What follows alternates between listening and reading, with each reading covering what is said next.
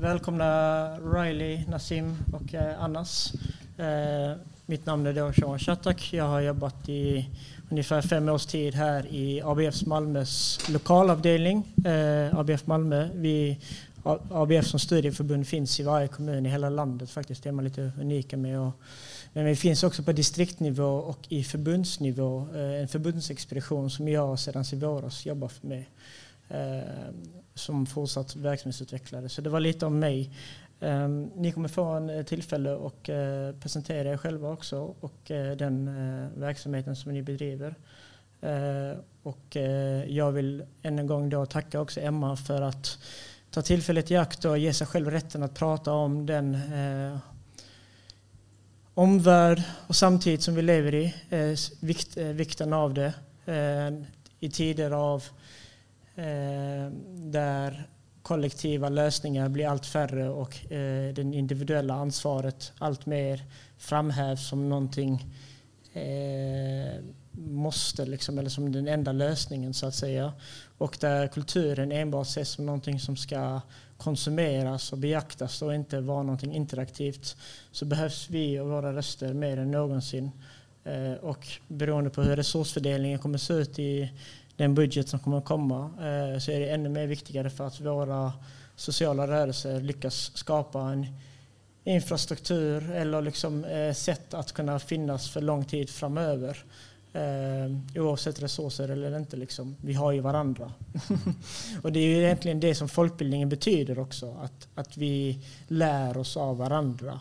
Eh, vi har ju visst cirkelledare men det är liksom genom cirkelns pedagogik där vi tar och vänder och vrider och utvecklar och förstår det vi vill intressera oss om eh, och stärka varandra. Eh, med det sagt så vill jag då börja med Riley eh, som är från eh, Tillsammans i förening. Vill du berätta lite om eh, den verksamheten eh, som du är med och eh, driver och är del i? Vilka framgångsfaktorer ni har och vilka utmaningar ni har haft? Mm. Tack så jättemycket Johan. Jag heter Riley Schultz och jag kommer från TIFF, Tillsammans i förening, som har funnits ganska länge. Jag har bara jobbat där i två år så jag hoppas jag kan göra det rättvisa. Ehm, men det startades runt 2010 och det var faktiskt i samarbete med ABF. Och det var ju just för att eh, man såg att det fanns en brist på föreningsaktiva unga tjejer i Rosengård specifikt. Så man såg det här problemet och så ville man göra, no eh, göra något åt problemet. Och då startade man Tjejer i förening. Och då jobbade man med fritidsaktiviteter på kvällstid för att försöka få ut de här tjejerna och bli föreningsaktiva. Eh, så TIFF har funnits väldigt länge och arbetet har ju utvecklats på många olika sätt. Men det blev en ideell förening, alltså självständigt. Eh, och vi arbetar med barn och ungas rättigheter utifrån barnkonventionen. Eh, så 2020 var ett bra år för TIFF och många av vi här. Eh, och man kan väl förklara lätt att det är basverksamhet och projektverksamhet. Så basverksamheten är liksom aktiviteter för barn på kvällstid eh, där jag jobbar jättemycket och där man liksom på en gräsrotsnivå med barnen på plats och får verkligen lära känna dem och bygga relationer på det sättet. Och sen så har vi projekt, projektverksamheten vilket är mer till specifika målgrupper och mm. problematik som vi ser i samhället som vi behöver stödja upp. Um, och ja, jag tycker att TIFF har en underbar liksom, samarbetsförmåga. Uh, man samarbetar med Malmö stad och föreningar i olika platser. Och våra basverksamheter finns, jag kommer inte rabbla upp dem nu för vi har lite tid, men de finns överallt i Malmö och vi stöder barn överallt i Malmö. Och försöker göra vårt bästa och ge dem aktiviteter som är viktiga och värdefulla för dem och inte för oss. Um, och utmaningar, ja det är ju få barn att vara föreningsaktiva och i den situationen vi befinner oss i nu så ja det finns ju en risk att det kommer ju, man ser ju trender att det minskar och vi vill ju verkligen, verkligen motverka den trenden för det är så extremt viktigt.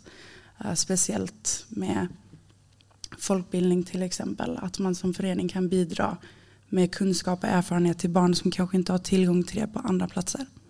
Så det ser vi som en jätte, jätteviktig sak att motverka.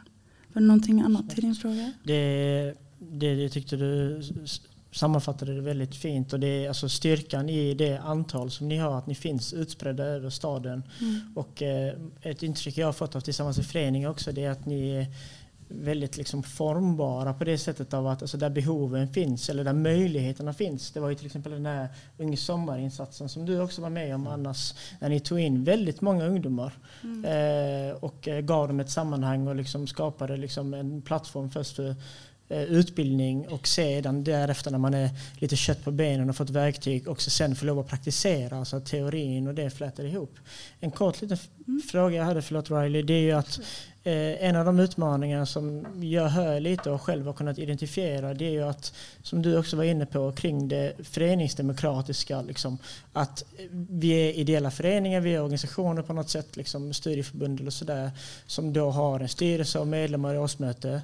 Men att vi är allt mer inne på väg i en trend, skulle jag nästan säga, eller liksom en ökning av eh, begreppet och sättet med volontärer. Mm. Vilket missförstå mig rätt, är jättebra. Det kan vara en väldigt så här, låg tröskel. Alltså, liksom, alltså det kan vara väldigt enkelt att komma in och vara aktiv. Liksom, så här, jag får en uppgift, jag ska göra den.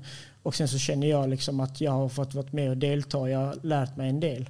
Eh, jag tänker ur det långsiktiga så är det ju bra också ifall det finns en väg in att bli liksom att, som en medlem, att kunna vara med och utveckla och driva det också. Alltså att kunna känna vad är, betyder det att jag kan få ha en röst på årsmötet? Vad betyder det att alla är lika mycket? Har du känt någon sån utmaning där? Eller? Uh, jag, jag, tänker det här med volontärer också. Jag förstår mm. exakt vad du menar med mm. att det är ju positivt. Mm. Men det är också, jag tror, någonting jag tycker TIFF är jättebra på är att se um, ungas kompetens och kunskap och att det är faktiskt vi som ska lära oss av dem. Vi är ju en barn och ungdomsförening. Så allting vi gör måste ju baseras på deras behov och inte vad vi tror är deras behov. Uh, för det kan ju hända väldigt, väldigt lätt. Till och med jag, man antar någonting. Men det kanske inte är det behovet som behövs.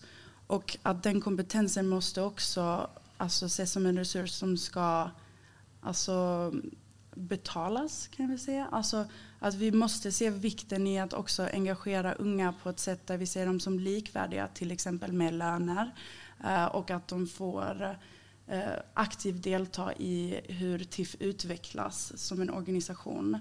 Allting som TIFF gör är baserat på vad unga har behövt för att TIFF, alltså de flesta mm. anställda på TIFF är ungdomar. Mm. Så allting vi gör baseras ju på, alltså jag är 24 snart inte ungdom egentligen. Mm. Men många som jobbar det från Ung i sommar mm. som kommer in och sen till exempel jag var engagemangsguide kom in och jobbade med barn och nu är jag projektledare. Mm. Så TIFF är verkligen baserat på liksom se det värdefulla i uh, ungas kunskap och ge dem uh, rätt liksom, retribution för det de bidrar med. Jag tycker det är jätteviktigt. Synliggörandet och upprättelsen av de insatser mm. som man gör. Och att jag tycker du förklarar det så bra för jag tror också det är en del av liksom, diskussionen kring långsiktigheten av att det finns ju liksom organisationer likt likt ABF som då såklart har funnits i över hundra år och vi finns i varje kommun. Här i Malmö så har vi tre fastigheter varav två av dem vi äger själva och liknande. Men att i den benämning av att vi har jättemycket personal som är hur grymma som helst och vad mm. det är specifikt när, vi, när de kommer in i, som en verksamhetsutvecklare eller administratör. Men det här med att ständigt vara relevant. Mm. Alltså att kunna ha dessutom inte bara den eh, liksom medvetenheten i organisationen av att vi måste ha människor som har fötterna på jorden som liksom vet vad som är relevant och inte relevant. Men också att själv också kunna se det i sig själv. Så här, shit, jag börjar närma 25. Liksom. Mm. Är, är det verkligen jag som ska, eller ska man ge över mikrofonen? Liksom? Precis, ja. och det, det, är jättefin, viktig institution. Och jag tänker att det ska kanske leda över till Nassim. För det, Krakel är också en ganska ny eh, organisation som mm. har kommit som ett tillskott i Malmö. Och yeah.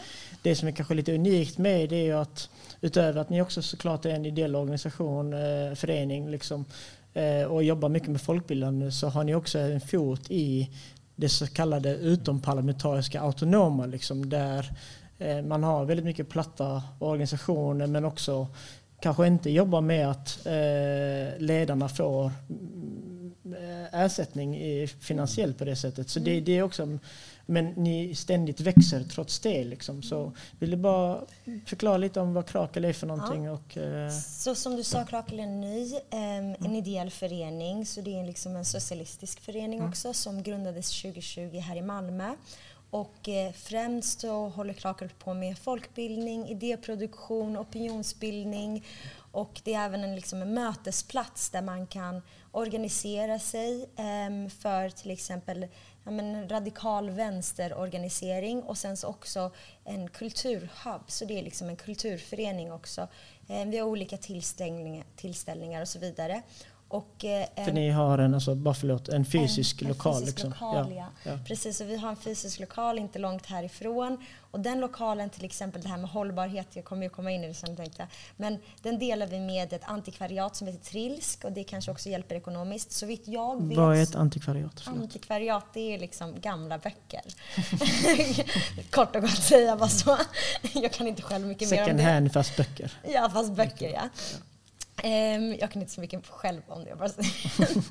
Men eh, vet du ja, ehm, det som är väldigt speciellt med eh, Krakel är ju till exempel, det är en förening så själva styrelsen är där för att liksom upprätthålla föreningen. Men alla beslut i eh, vår förening tas ju på medlemsmötena.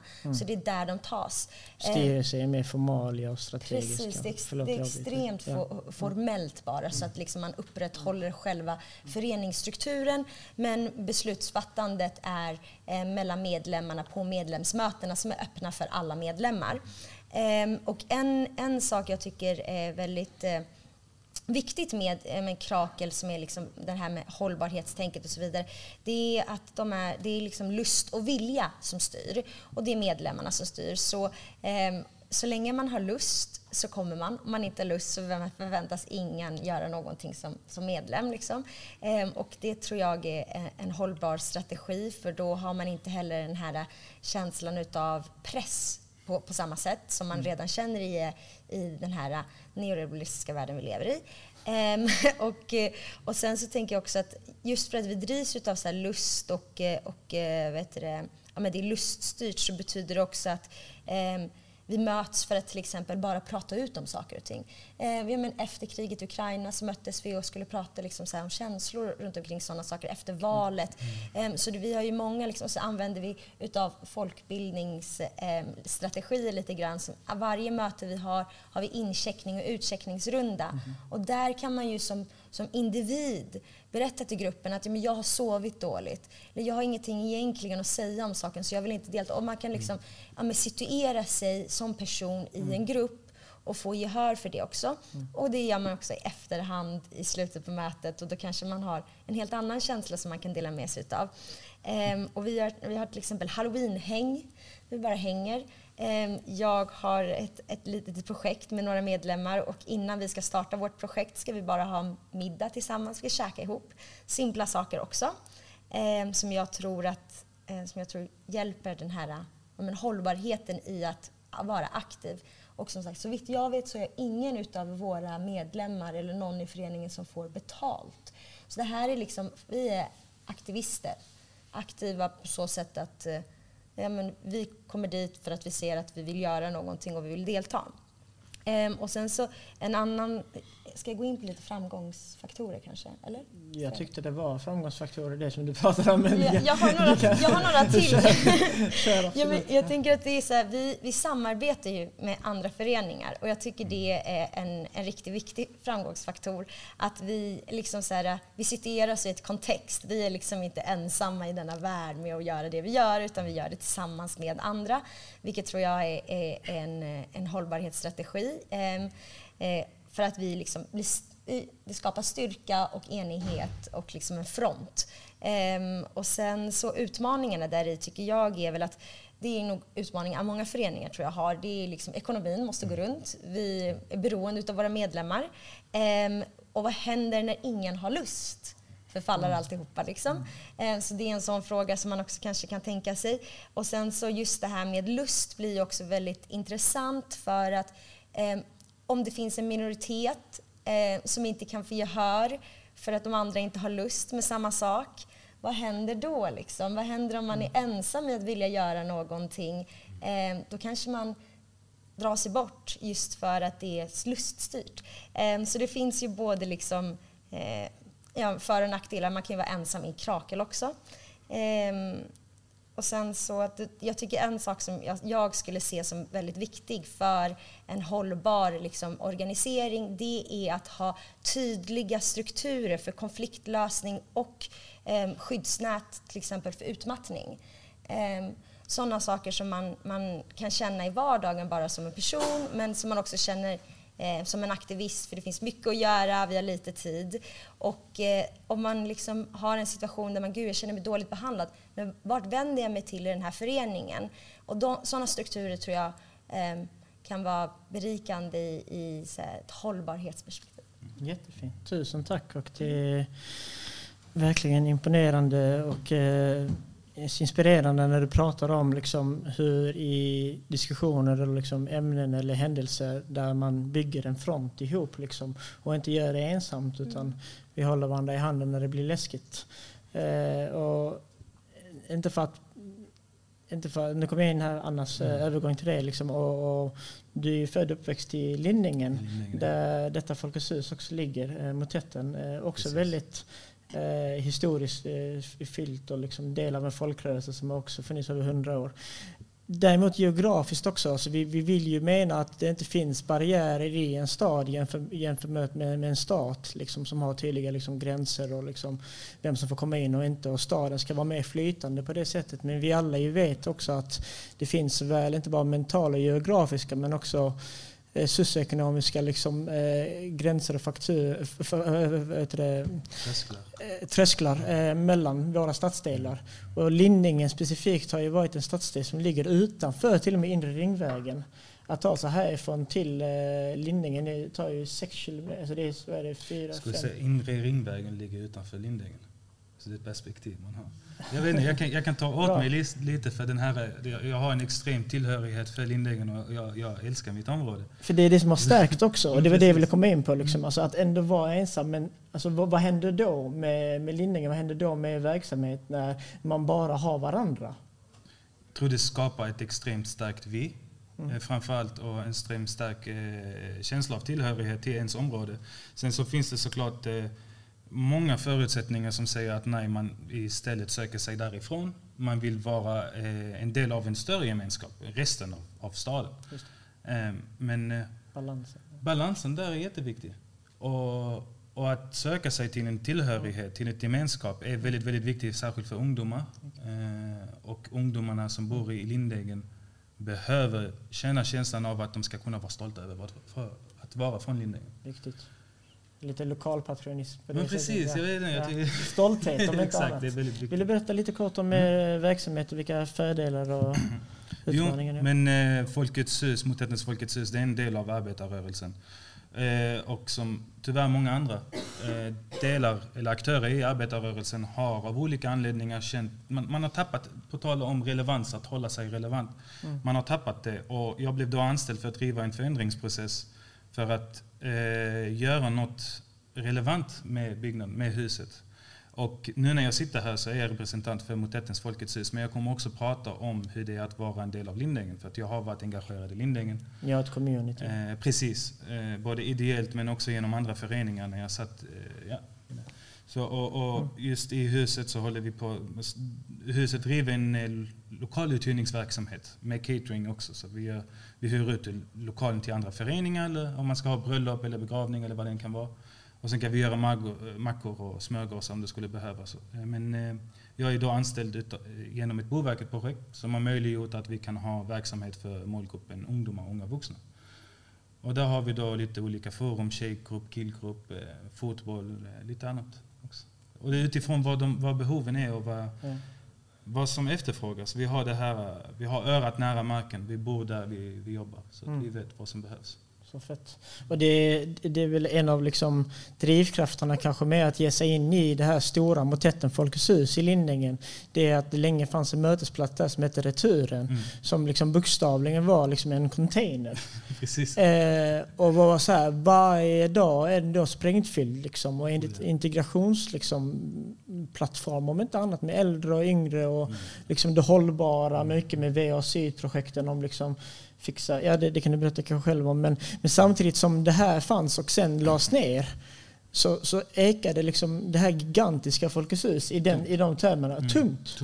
Och det, och det är också liksom kanske något intressant att slänga ut i publiken men också ha som medvetenhet att uppenbarligen det har den här Folkets hus-resan haft fem Folkets hus i Malmö som mm. under väldigt lång tid, vissa av dem, har liksom existerat i nästan över hundra år liksom i alla fall. Mm. Och eh, det kräver en viss förvaltning. En, eh, välkommen. En, en, en, en kanske mer passiv men ändå också förvaltande som gör att det genom lokaluthyrningar överlever under lång tid. Motsatsen där kan ju vara att den är mer eh, aktiv och drivande. Mm. Eh, och det är där du kommer in liksom och eh, tar med de erfarenheter som fanns i områdesorganisering Precis. om du vill prata ja, så. Ja, alltså, om, om vi går tillbaka till det här med returen. Vi hade en mötesplats, en kommunal mötesplats som sen stängdes ner för att man ville bygga en ny grundskola. Eh, och I samband med det så fick vi en tillfällig lösning, som du var inne på, baracker, containers, mm. som blev den mötesplatsen vi hade. Och där var det extremt mycket verksamhet. Eh, förutom, vi behöver prata om värdet av att mötas till en början. Alltså, vad, mm. vad var det för värde det skapade när jag kunde komma in där och träffa Lis, Lisa som var 65 år gammal, etisk svensk, som träffar mig och jag träffar henne. Vilket värde hade det? Mm. Och det tycker jag är omätbart egentligen. För att det, vi pratar om trygghetsaspekterna, vi pratar också mm. om relationen till sina grannar. Att mm. våga mm. prata med varandra. Lära känna sin granne, vara inte rädd för sin granne. Ja. Eh, förutom det så fanns det då det här kollektiva garderobet. Man kunde ta ett plagg, lämna ett plagg. Eh, ett kollektivt bibliotek eh, och massa, massa aspekter utifrån ett hållbarhetsperspektiv fylldes i den här lokalen. Som man sen valde att stänga ner på grund av skärningar i budgeten. Parallellt med detta så fanns det ett Folkets hus som var helt tomt och inte gick att eh, öppna upp på grund av de trösklarna vi hade. Så det, det handlade om ekonomiska spärrar. Vi vill ha en hyra för att ni ska kunna komma och mötas. Det var det bemötande ni fick av styrelsen? Ja, precis. Och, ja. Eh, min styrelse var alltså inte villiga till förändring. Eh, fast att de på papper hade sagt att de ville förändras. Mm. Och det är också en kul aspekt. Med, vi alla vill ha förändring, men ingen vill förändras egentligen. Ingen vill ändra sig själv eller sitt, sitt egna beteende eller sina egna handlingar. Mm, det var det som vi var inne med Riley där i början också, av att när man själv förstår att man är relevant eller inte och när man egentligen accepterar och ser fördelarna med att, att anpassa sig efter liksom, eh, de behoven som finns idag kontra, förlåt, ja. Så. Nej, jag tycker ja, det är det. Ja, ja, nej, men, så. Ja. Men jag vet inte vad mer jag ska säga. Nej, nej, nej men det, det var de framgångar som ni har haft. Och liksom framgångarna, då måste jag prata om ja. samverkan på Lindängen också. Det är ja. jätteviktigt. En Snälla. jätteviktig aspekt. För att eh, det vi gör på Lindängen, vi gör det ihop, tillsammans, i samverkan. Eh, oavsett om det är Röda Korset, Rädda Barnen, kyrkan, Malmö stads fritidsgård, eh, Allaktivitetshuset. Och för att ta ett exempel, ett konkret exempel. Varje måndag så träffas vi varje, klockan 11. Just för att prata om vad ska vi göra denna veckan och nästa vecka. Vad ska vi göra i samverkan? För att inte göra eh, kon konkurrera varandra utan istället komplettera varandra. Vi gör inte saker och ting eh, i motsatta håll utan vi gör det tillsammans. Dels så sparar vi in pengar på det men vi når också ut till en större och bredare målgrupp. Mm. Och samverkan har varit någonting jag tog med mig när jag började på Motettens Folkets hus. För jag kände till mm. den här konstellationen och det blev naturligt att Motettens Folkets hus blev en samverkanspartner i eh, Lindängen som en arena. För att det också är en infrastruktur med liksom en plattform för möten. Liksom. Ja. Där finns liksom en konkret plats att mötas på. Liksom. Ni har ju också i Lindängen varit väldigt duktiga på att använda andra ytor i, mm. i det offentliga. Liksom. Till och med liksom med cykelbanor som är loppis varje dag mer eller mindre. Det fanns ett byggstaket som fortfarande finns kvar där. I, det som ni använder till att starta Sveriges första coronainformationstält. Mm. Liksom det har kommit en pandemi, vad, vad fan betyder den? Mm. Hur kommer vi ut om den? Hur lär vi oss? Vad vet vi? Eh, så det är jättehäftigt och eh, jag tar, gärna, jag tar med mig, och jag hoppas alla andra också gör det, det här gränsöverskridande eh, mellan föreningar av att vi konkurrerar inte över resurser och liknande utan vi kompletterar varandra.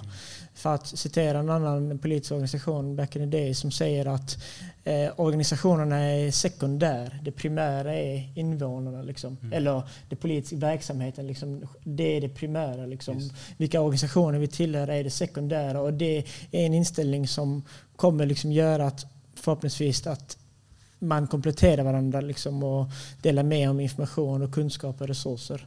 Uh, Känns det okej? Ja, jag, om jag får Fan, lägga till en Ja, grej. På tal om det här du, du, du citerar. Mm. Eh, Jag hade en kollega som jobbade på Rädda Barnen och hon sa att de eh, logotyperna vi har på våra bröst, på våra Mm. arbetskläder, Mm. det är inte mer än varumärken. Utan Mm. det viktiga det är vad vi gör ihop. Mm. Eh, och, och det är så fint för att vi är ett gäng som bor i området och jobbar i området. Mm. Oavsett vilka organisationer vi tillhör eller vilka förvaltningar. För vissa av oss jobbar på Malmö stad, vissa i universitetet till och med.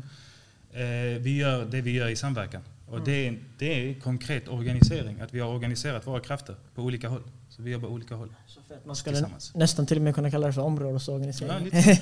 community, eh, eh, community building. Eh, och tusen tack, vilken jäkla häftig eh, introduceringsrunda. Eller jag känner mig väldigt stärkt av att veta om att eh, ni finns i staden. Och, eh, nu har vi pratat en, en del, liksom, vi har en, ungefär en 13 kvart kvar. Och, liksom, eh, med två av de här frågorna som jag, vi hade gärna velat få in. Eh, det är kring eh, folkbildande metoder i era verksamheter. Eh, hur lär ni av varandra? Eh, hur lär man sig tillsammans? Och eh, hur kan man sprida den kunskapen internt såväl som ut, eh, utåt? Eh, om man kan få några konkreta exempel på det. Är ABF med i den, i den sfären på något sätt eller något annat studieförbund? Eller, dels hur det ser ut idag men också hur ni hade hoppats att det skulle kunna se ut. För det, det, det jag tror det är det här också en väldigt viktig liksom, aspekt av att så här, så här ser det ut idag. Det här ser vi en potential för vä- alltså förstärkande eller liksom växande. Eh, Så det, jag slänger över den eh, kring eh, till Riley om det känns okej. Ja, klart. Mm. Ehm, ja, jag hade TIFF jobbar extremt mycket med alltså, tillgänglighet av kunskap eh, på alla platser vi arbetar. Jag tror att våra aktiviteter, alltså, alltså aktiviteterna som vi har i basverksamheten, liksom vad man kan säga, som Anna sa, så man har örat nära marken, gräsrotsnivå. De aktiviteterna skapar en sån himla fin ingång för att för, föra vidare liksom den här viktiga kunskapen som kanske vi sitter på eller andra sitter på som kanske inte är tillgängligt för alla som vi liksom är med. Skulle du vilja ge ett, ett, bara ett kort exempel? Absolut. Alltså, jag kan ta till exempel, vi har ett projekt som heter Läsambassadörer. Och det började med att vi ansåg att läsning och läsfrämjandet är liksom en demokratisk fråga. Eh, Och det är en demokratisk rättighet. Eh, Kan du inte läsa så är dina, din kapacitet att delta i samhället det minskar eh, dramatiskt. Um, så till exempel har vi bokcirklar på sex, fem olika skolor och snart sex tror jag. Eh, och det är Rosengård, Hammarsdal, mm. Munkhätteskolan och så vidare. Men man kanske ser de här aktiviteterna som väldigt simpla eftersom det är bara att sitta och högläsa och så. Sen så gör man också kanske lite mer kulturaktiviteter genom målning och förklara ord och känslor. Mm. Men bara sådana här aktiviteter aktiverar ju barnen som vi jobbar med på ett sätt som jag tror vi inte kommer se till senare. Hur de är demokratiskt aktiva medborgare. Uh, så det, det är ett exempel på hur ett väldigt så här simpel, rolig och jättegivande aktivitet bidrar så mycket till vårt samhälle. Uh, sen så finns också, jag tycker um, många av mina kollegor är grymma på utbildningar om demokrati och inflytande. De har en viss pedagogik i sig. som- Absolut, ja. ja. absolut. Och de lär mig jättemycket om Mm. hur jag ska lära ut och utbilda vidare. Men vi har liksom läsfrämjande, delaktighet och inflytande. Eh, demokratiska processer, läxhjälp och det beror på om det är basverksamhet eller om det är projekt. Eh, så till exempel när vi har haft demokratiambassadörer då har de såklart liksom fått gå en utbildning först. Och vad är vikten i att rösta? Varför är det viktigt? Det är många som inte tycker det är viktigt. Mm. Um, varför din röst räknas. Det är jättesvårt att förstå varför man räknas när man inte har känt att man räknas hela livet. Liksom. Och att man verkligen synliggör hur du kan vara demokratiskt aktiv. Um, och hur man kan ha inflytande och delaktighet. För jag förstår att det kan vara väldigt svårt att tro det ibland. Men att man gör det genom pedagogik. Eh, och att de här barnen sen sprider det vidare till sina syskon och kanske sina föräldrar och sina vänner. Och den här liksom, the wheel keeps going hela tiden. Så ja, alltså kort så hade jag sagt att det är så TIFF jobbar. Tusen tack. Och det än en gång otroligt inspirerande hur ni hittar de här viktiga plattformarna, liksom, eller ämnena i livet liksom, för mm. att kunna komma till ett självförverkligande. Det, det, har ni redan pratat om, säkert Maslows behovstrappa och liknande. Mm. Hur det hjälper att komplettera uppåt liksom, vägen dit förhoppningsvis. Men det, det som slår mig också när du pratar Riley, det är liksom, alltså, än en gång en jämförelse och anknytning till hur det här en gång i tiden startade liksom när det var så att barnen gick direkt in i fabrikerna och liksom jobbade. Det fanns ju ingen skola eller något sånt där som var allmän som folk kunde läsa. Liksom.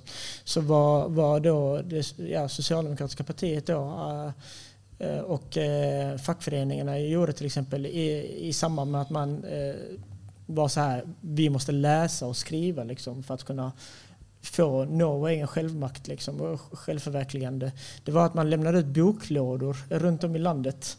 Eh, och, det, och det finns ju liksom, så säga, 120 år senare, 140 mm. år senare liksom, så ser man ju det fortfarande liksom att i, vår, i de plattformar vi har möjlighet så kan man lämna ut fortfarande liksom böcker.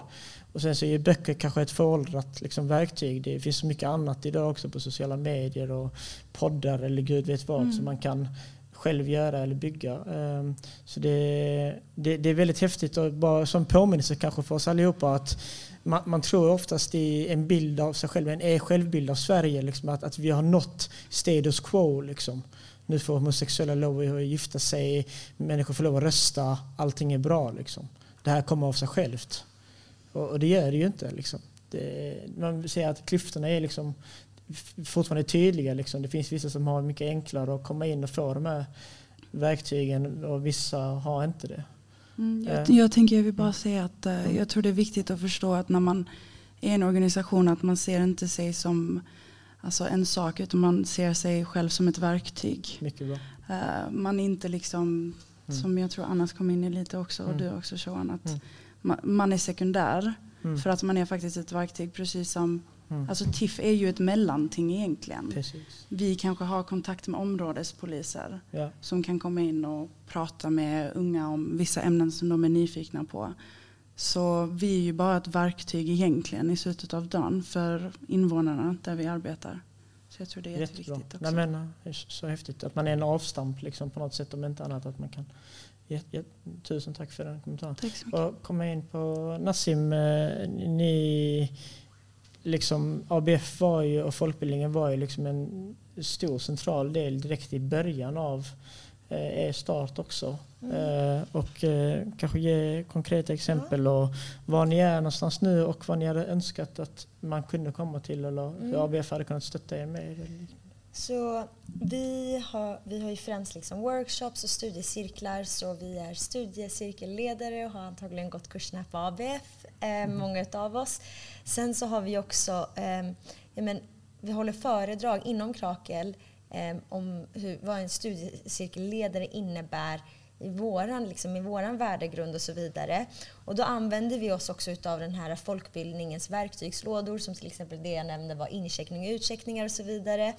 Mm. Eh, men främst är det liksom Krakel är ett ställe där vi lär oss tillsammans. Och det som Emma sa i början där då, det är liksom grunden till folkbildningen. Eh, sen så vad vi gör med det, det liksom, det som, eh, våra diskussioner som kommer utifrån till exempel studiecirklar eller, eller om man har en workshop eller studiecirklar i, i att göra någonting kreativt och sånt. Ehm, då, vad vi gör är till exempel vi, vi lånar lokalen här uppe för att spela in en podd om det vi har diskuterat och det läggs ut så att andra kan ta del av våra diskussioner och tankar om specifika till exempel studiecirklar. Eller att vi har eh, på hemsidan, som jag tänkte visa senare också, open source eh, eh, där material läggs ut och som man kan använda sig av senare som till exempel det som eh, ja, men, eh, aktiva medlemmar har skapat i, i liksom olika studiecirklar kan också läggas ut, printas ut återanvändas.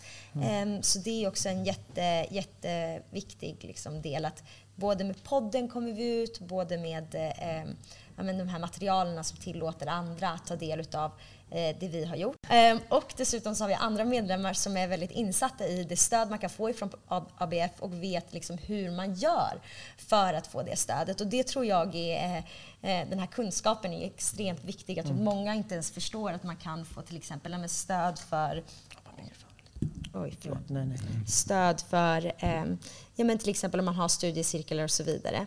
Eh, så då rapporterar vi in när vi har folkbildning och då får vi eh, tillbaka eh, Ehm, från ABF och sen så vi brukar låna lokaler. Vi har varit så att vi har lånat till exempel en projektor eller mick och liksom utrustning och så vidare också. Mm. Um, och sen så samarbetar vi med ABF så på det sättet att vi blir inbjudna till sådana här tillställningar. Jättetacksam. Um, och, uh, och det är också jätteviktigt för då har vi möjlighet att träffa andra um, uh, föreningar och andra aktiva och så vidare. Ehm, så ja, ABF är ju någonting vi har, vi har fått ta del av. Liksom. Och sen så vad som kan liksom, vad vi skulle kunna behöva mer, det är svårt för mig att säga för det här är någonting jag vill att eh, Krakel som en förening ska uttrycka. Eh, jag, jag kan inte svara på den frågan ordentligt faktiskt. Supersnällt. Tack eh, Nassim. Och jag tänker att vi kommer återvända en sista gång till dig också för att prata om det ekologiska och miljömässiga, liksom klimaträttvisan eh, kring hur ni har tacklat det ämnet också. Så, eh, innan dess så vill jag bara höra Annas mm. också. Eh, du, du, har ju liksom haft den här uh, förankringen uh, i linningen och varit en person som alltid varit i rörelse så du har ju liksom haft, dina vägar har ju mött med ABF många gånger förr. Eh, och så nu jobbar du dessutom också i samma folkrörelsetanke med Folkets hus. Liksom. Eh, vad har du känt som har varit bra, som har kunnat liksom, hjälpa det arbetet och vad hade du önskat till och med mm. ännu mer kanske när du hör de andra eller när du eh, liksom bland eh, vännerna som sitter här, Malmöborna. Eh, Men jag tänker, jag tänker det som har varit positivt är framförallt tillgängligheten. Mm. Att man enkelt kan eh, få den hjälp man behöver. Så jag, jag har haft mycket med Lars att göra. Jag letar efter honom, han är inte här just nu. Men Lars har många gånger kommit ut och hjälpt oss med ljudsystemet och podcastverksamheter och mm. sån, sån kunskap som vi saknar internt. Ja. Eh, och förutom det så har vi också hjälpt med att registrera de här studiecirklarna vi gör, eh, folk, mm. eh, kulturarrangemangen vi gör. Så det går ju också hand i hand med ABF. Och vi har ett nära samarbete på det hållet. Eh, sen vad gäller vad som kunde ha gått bättre, eller vad som kan bli bättre, det är egentligen det är ingenting som ni här kan göra, utan det är mer på riksnivå. Så kan jag tycka att det här systemet är lite gammalt. Eh, det är väldigt svårt att få ut personnummer på deltagare, det är inte lika enkelt idag. Eh, det, det, är sådana här strukturer som jag hade velat se över, men, men som inte är enkla, det har jag förstått. Eh, det, ja, kort, det är väl det. Jättefint. Att eh, kunna rapportera in och liksom på det sättet liksom visa det, alltså en rättvis mm. skildring av de antal ni möter och liksom gör. Eh, jo, men, när det är, men det är lite enformigt. Sen, sen ja. i praktiken är det väldigt svårt att få alla, alltså liksom det många gånger när vi har kulturarrangemang eller studiecirklar, det är väldigt många deltagare. För ett, ett exempel var eh, när vi hade ett samtal med socialtjänsten i samband med propagandan om att eh, muslimska barn blir omhändertagna. Och det gjorde vi som en studiecirkel. Vi gjorde det. Och det är också det här regleringen med vad som är en studiecirkel. Man ska träffas minst tre gånger, man ska vara minst så här många antal. Det var väldigt många som kom. Vi pratade över 90 personer. Och då är det väldigt svårt att få deras personnummer i praktiken. Mm, mm. Sådana här saker hade jag velat se över. Mm. Annars i övrigt, det ni gör här, det är väldigt uppskattat. Jag hör dig. Och, eh, vi kommer gå in nu i en sista snabb runda här. Eh, jag vet att Nassim, du har ju liksom förberett också vissa bilder. Nej, nej, bara, nej. om vi inte hinner så är det inget Nej, nej men vi, jag tycker det är jätteviktigt att vi kör det och eh, jag tänker att i och med att just Krakel har arbetat en hel del mer med just eh, klimaträttvisan. Att, att du kanske kan inleda den, den mm. gången och sen så kan de andra. Och, jag, vad jag fastnade också på var det jag tänker långsiktigheten. Det är liksom, eh, open source är ju liksom en förklaring av liksom öppen källa liksom, där man ser hur ett program oftast liksom, tek, tekniskt mässigt hur det har byggts liksom, så att vem som helst kan eh, kopiera det och starta det själv. Det finns ingen så här käll, alltså det finns inget varumärkspatent på open source-grejer.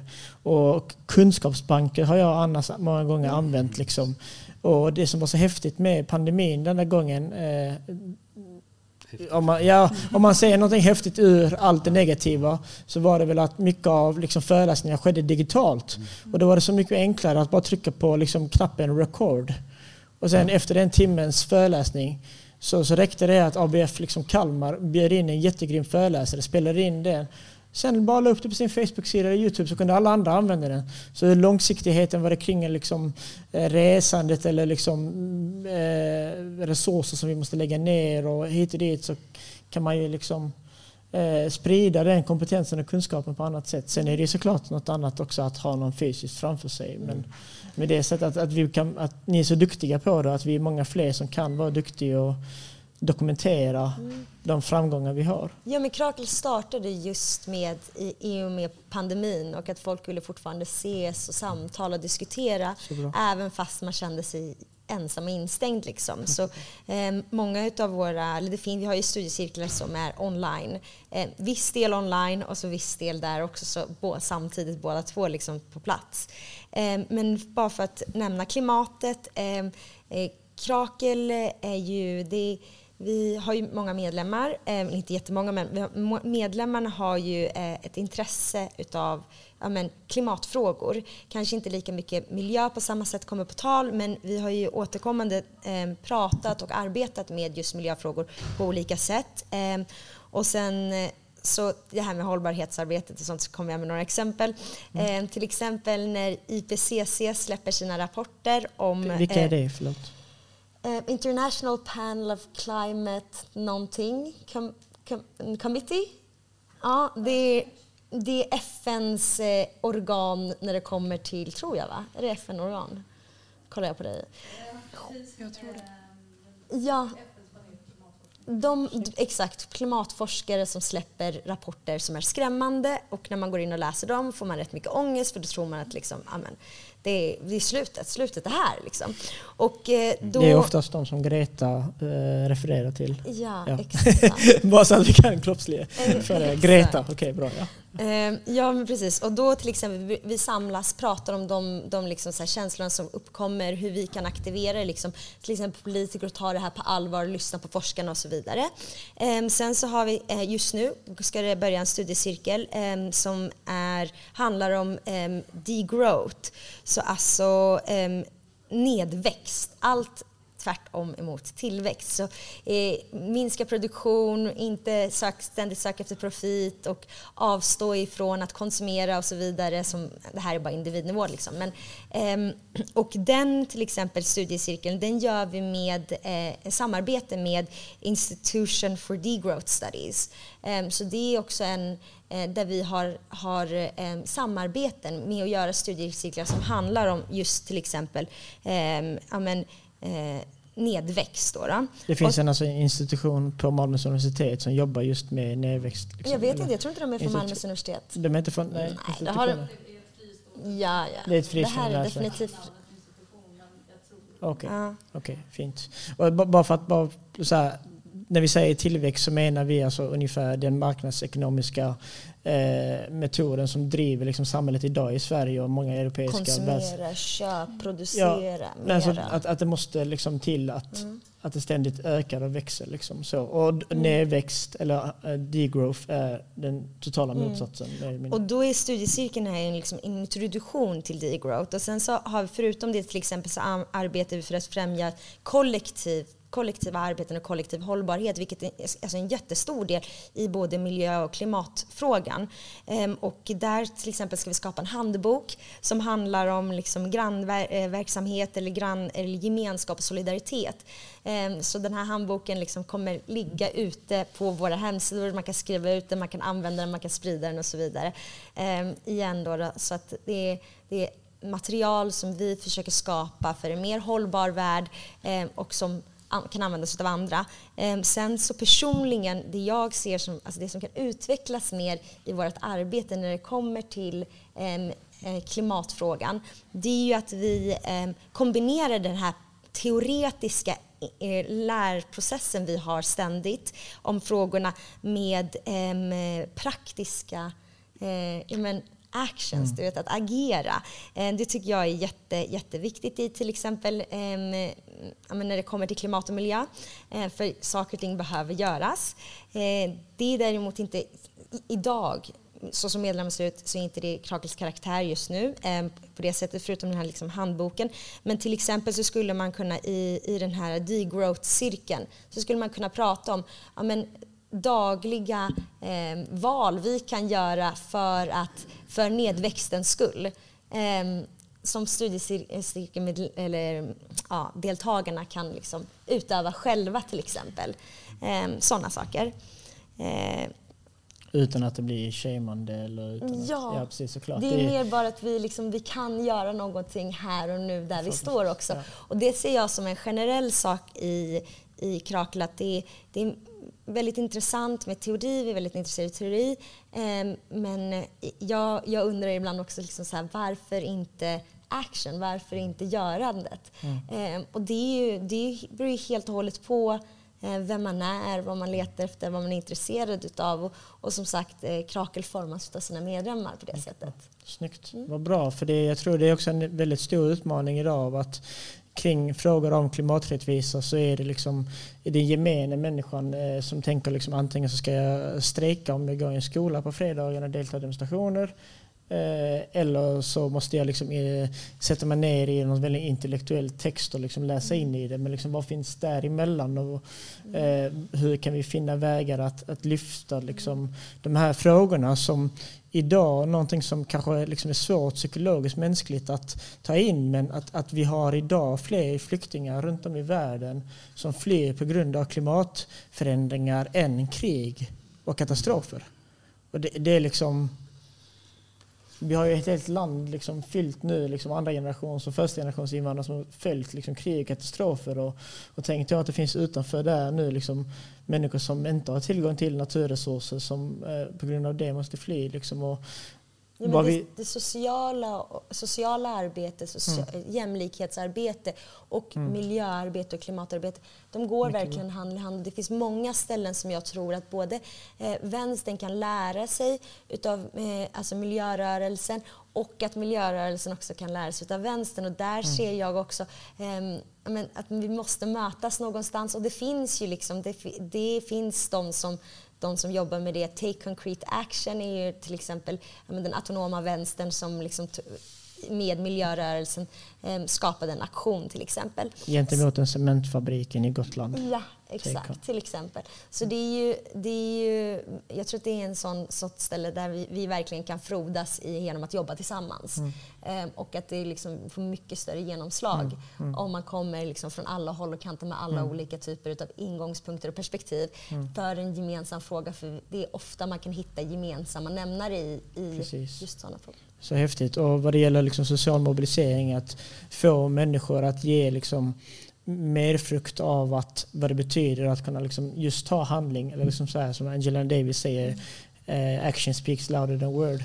Det är väl också kanske att börja liksom i de små frågorna som kan ge liksom en viss tillfredsställelse nästan liksom, av att kunna vara med och påverkat eller förändrat. Och, och då är det kanske lite då liksom så att tänka globalt men agera lokalt liksom, eller i det liksom, där man har sin vardag. Mm. Eh, vi börjar gå väldigt slut om tid. Riley och Anna Spa, uh, i, i, i, det gäller klimaträttvisa eller ekologisk hållbarhet och liknande, har ni något ni vill tillägga? Eller? Jag vill prata om kollektivet. Och, och mm. För det är, det är i kollektivet man kan göra förändring och många gånger så känner man sig ensam.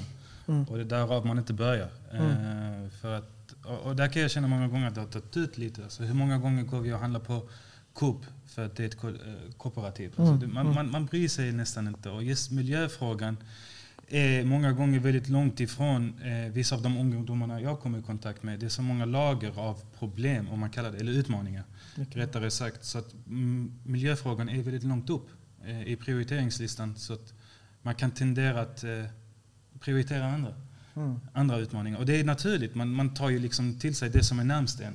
Mm. Eh, och det är liksom, ja. Så utifrån det, så, jag, jag vill ju bara liksom lyfta upp kollektivperspektivet att om man söker sig till forum som jobbar med de här frågorna, då känner man sig inte ensam och då är det mycket enklare att bidra också. Okay. Bara, ja, det är, jag håller det där. Otroligt viktigt. Uh, Riley eller? Jag kan säga kort så kan du säga. Jag tror jag, bygger, jag kommer bygga lite på det Anna sa, för jag tror det är viktigt. Um, alltså TIFF jobbar ju med barn och unga. Vi har ju inget så här direkt uh, jobbat med miljöfrågan. Um, jag, också med, jag var väldigt nära ABF ett tag för att det var någon från Sydafrika som kom och hälsade på. Uh, och det var verkligen, jag lärde mig så mycket av henne. Men de lever ju i en plats där miljöfrågan är liksom akut. Även för barnen. De ser det liksom varje dag. Så jag tror vi kan lära oss av varandra. Uh, så vi pratade till exempel om um, deras vilja att ha förändring och våra resurser. Alltså hur man samarbetar där globalt. Uh, för det andra Um, när man kanske jobbar i områden där miljöfrågan är inte prioriterad för det är inte nära För det, det är sant, det ser vi också när vi arbetar. Um, Nästan ett privilegium att jobba med det. Att det jo, kräver liksom om, ett självförverkligande det, innan man kan börja bry sig om klimatet mm. också när det finns så mycket annat. Ja. Precis, jag, jag, var projektledare för Malmö ungdomsråd i ett halvår. Mm. Så återigen, jag var inte där hela tiden. Men man såg också en väldigt stor skillnad vilka ungdomar brydde sig om vilka frågor mm. beroende på deras bakgrund och var de kom ifrån i Malmö. Och alltså det var jätte, jättetydligt och det var något vi pratade om på ungdomsrådet väldigt ofta. Men jag tror att det kanske är viktigt att istället för att gå till ett område och börja prata om miljö så kan man prata om hur på ett sätt som man kan förstå hur social hållbarhet och miljöhållbarhet är så tätt kopplat ihop. Och hur eh, miljöpåverkan som vi gör, hur det kommer påverka oss socialt. Mm. Alltså på vår vardagliga individnivå. Mm. För jag tror att det finns förmodligen många problem och upplevelser som barn känner. Som de inte förstår kan faktiskt kopplas till det här miljöpåverkan, miljöhållbarhet. Och jag tror det är kanske smartare att ta den ingången istället. Och prata om den här frågan på ett sätt som är tillämpat för dem att förstå Mycket. från deras perspektiv och deras liksom livsupplevelser. Mm. Så ja, jag tror det hade varit Snyggt. en wow. bättre Jättebra inlägg. Mm. Supersnällt. Eh, vi kommer öppna upp till eh, publikdiskussioner och liksom, eh, även liksom också mellan organisationer och liknande. Nassim skulle bara för sig, men ni kan, ni kan tänka på liksom frågor eller saker som har uppstått i eh, idéer eller liksom bara kommentarer för den delen. Eh, hade varit Grymt. Eh, Nassim mm. först. Ja, men jag tänkte, det var, de nämnde det båda två. Mm. Um, Krakel är vita rum också, det, liksom, det, måste man ju säga. Så där har man ju sådana här privilegier. Och att jag tror en av de viktigaste sakerna eh, när det kommer till liksom hållbarhet, att eh, många går med klimatångest. Man har liksom så här, ångest för det som kommer hända en mm. och man är liksom väldigt rädd. Och där har vi ju just det du, det du säger, att i kollektivet så får man den här styrkan och det mm. känner man verkligen att när, på incheckningarna så kommer man med en ångest och på utcheckningarna då har man liksom fått någon form av eh, vad heter det, ja, men, hopp och gemenskap. Man är inte mm. ensam, man står inte helt själv. Och det tycker jag är jätte, jättebra att du tog upp. Liksom, inte bara att prata samma språk, men utgå ifrån att ja, men, deras första problem kanske inte är miljön, men hur kan vi adressera första problemet genom också att, att tänka liksom miljömässigt hållbart för klimatets skull. Att sådana saker kan, kan man kan arbeta med det samtidigt. Mm. Och det tycker jag också är jätte, jättebra ingång. Där också. Snyggt. Jättefint. Tack så mycket.